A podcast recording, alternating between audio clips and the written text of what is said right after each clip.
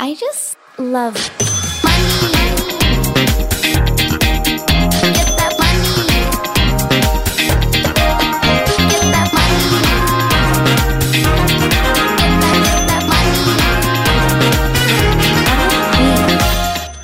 Mandag og velkommen tilbake til Karrierekvinner podcast.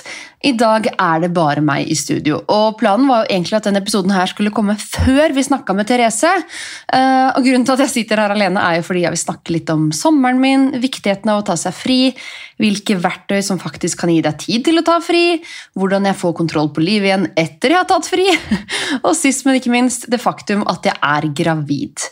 De fleste lytterne våre følger meg kanskje i sosiale medier, men for noen kom det kanskje som et lite lyn fra klar himmel i forrige podkast, når jeg og Therese skravla. Men yes, etter mye om og men bestemte vi oss for å prøve, og til begges overraskelse satt den på første forsøk. Det var jo ikke helt planlagt at jeg skulle liksom oppleve første trimester om bord på en båt i bølger, hvor eh, alle sammen koser seg med glass champagne til maten, og jeg føler meg utafor som bare rakkeren, men det er verdt det. Jeg har jo, som mange av dere vet, tenkt lenge på om det her har vært riktig. Jeg har jo liksom aldri klart å slå fra meg tanken om to. Um, men jeg må jo også innrømme at det ekstreme karrierefokuset jeg har hatt de to siste åra, har gjort at jeg ikke har sett et ledig øyeblikk i kalenderen til å få et barn til. Men vi konkluderte med at vi hadde angra hvis vi hadde latt være, eh, og det er jeg veldig glad for nå. For jeg tenker liksom det at eh, det karrierefokuset jeg har hatt nå i det siste, det er jo en grunn til at det har vært så stort. For jeg hadde jo en fast jobb som journalist, og for å kunne si opp den jobben, så har jeg på en måte måttet bevist for meg selv og ja, egentlig mange andre, at eh, det har eh, vært verdt det, rett og slett. Så jeg tror vi hadde angra. Men eh, livet er mer faktisk enn bare karriere, sier jeg her i Karrierekvinne podcast. Jeg sier ikke at barn er alt. Eh, jeg tror man kan være like lykkelig uten. Jeg hører i hvert fall folk si det. Både mm, frivillig barnløse og de som til slutt ble foreldre. Men eh, venner, familie og gode relasjoner, det er det som til syvende og sist teller, og som står igjen den dagen man pensjoneres. Eller går konk. Visste du forresten at 75% av alle selskap som startes, går konkurs innen de første fem åra? Med andre ord, ingen skam i det. Jeg hadde heller ansatt noen som har gått konk ti ganger, enn noen som aldri hadde turt å prøve å satse på drømmene sine. Men det er ikke det vi skal snakke om i dag. Jeg fant jo ut at jeg var gravid på starten av sommeren, og pga. ekstrem fatigue og mangel på energi, så blei jeg rett og slett tvunget til å ta meg fire uker fri. Fraværsassistenten i mailen jobba for full maskin, nesten alle samarbeid ble flytta, og jeg tenkte at dette kom til å være måneden jeg omsatte for minst siden jeg starta for meg selv for snart to år siden. Ett år og ti måneder, for å være helt nøyaktig. Men vet dere hva? Fra 1. juli til 31. juli så dro Benedicte Haugård AS inn nesten 400 000 kroner, mens jeg lå i senga på båten, kvalm, trøtt, svimmel og gravid. Verdien av den gode jobben jeg har bygga opp over tid med ambassadørskap, faste rabattkoder som gir god provisjon, og passiv inntekt fra nettkurs og investeringer, det ble plutselig veldig synlig, og jeg innså i sommer at det går helt fint å ta seg en lang ferie som gründer, så lenge du har jobbet smart på forhånd. Og det er nettopp det jeg har lyst til å bruke høsten på å snakke med dere. Eh, Jeg har også lyst til å snakke med spennende gjester om dette temaet. Verdien av passiv inntekt, en god strategi, et system som er lett å følge, outsourcing og dette med ferie, og ikke minst svangerskap. For er det én annen ting som jeg har tenkt mye på i sommer, så er det det her med svangerskap som gründer. Heldigvis så har jeg et AS og er et fullverdig medlem av Folketrygden. Men hva med dere som har ENK, eller som nettopp har starta AS, og som kanskje ikke engang kan rukket å ansette dere selv, eller som nettopp har rukket å ansette dere selv? Jeg kan ikke garantere at jeg får med Nav inn i studio, det har jeg prøvd før, men noen skal få svare på alle disse spørsmålene i høst, og det med to streker under svaret. For vi vet jo alle hvilken jungel det er å google, eh, for ikke å nevne å ringe Nav hvis man lurer på noe. Man blir jo bare sånn kasteball fra avdeling til avdeling.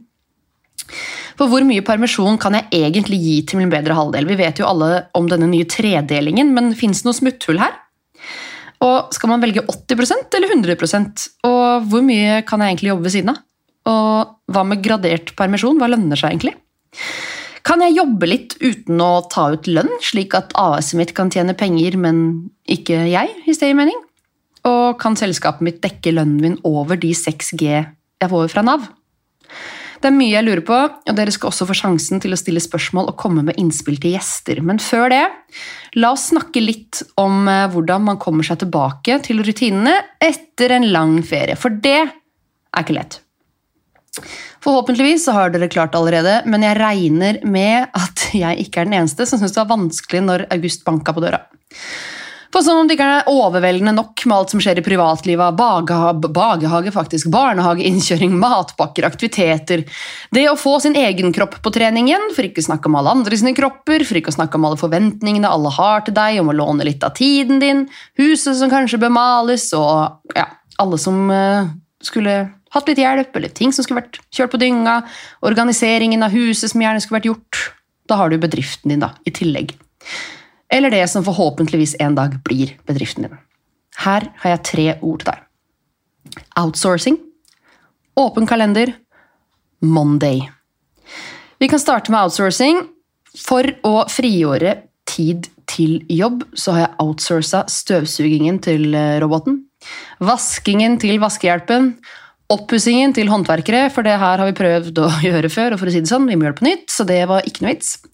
Organiseringen til organisert kaos, hashtag reklame, mailen til managementet mitt og innholdsproduksjonen jeg gjør for andre bedrifter, til assistenten min, som også er min personlige fotograf, og som hjelper meg å redigere.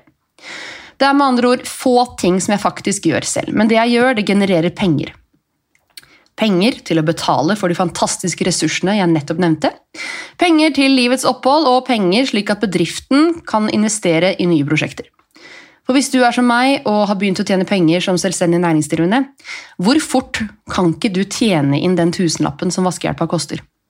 Eller hvis du f.eks. er influenser, hvor mange bilder får du ikke tatt på en dag med en proff fotograf?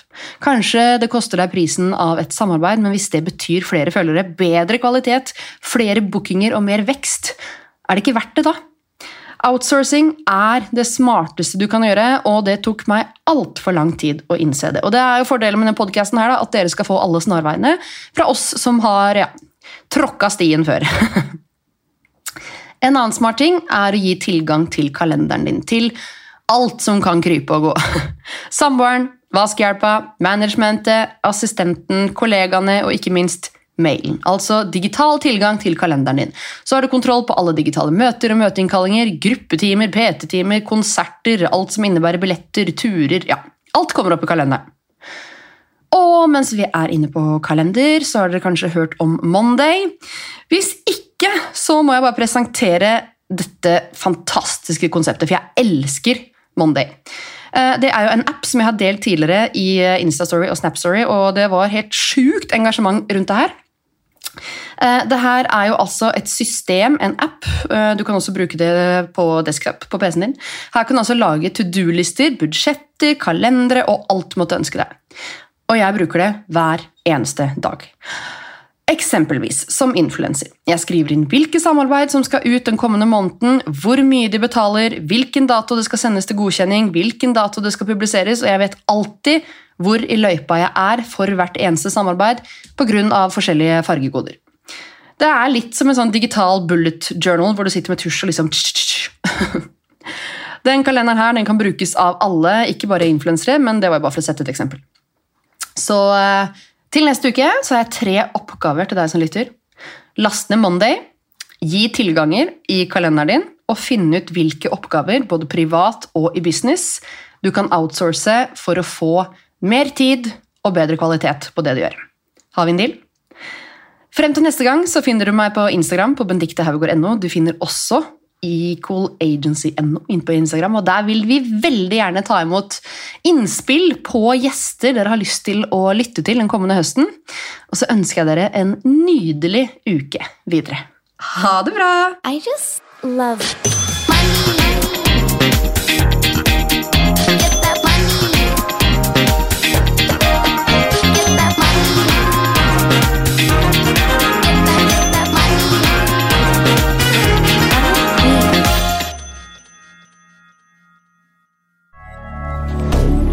Moderne media. Har du et enkeltpersonforetak eller en liten bedrift? Da er du sikkert lei av å høre meg snakke om hvor enkelt det er med kvitteringer og bilag i fiken, så vi eh, gir oss her, vi. Fordi vi liker enkelt. Fiken superenkelt regnskap.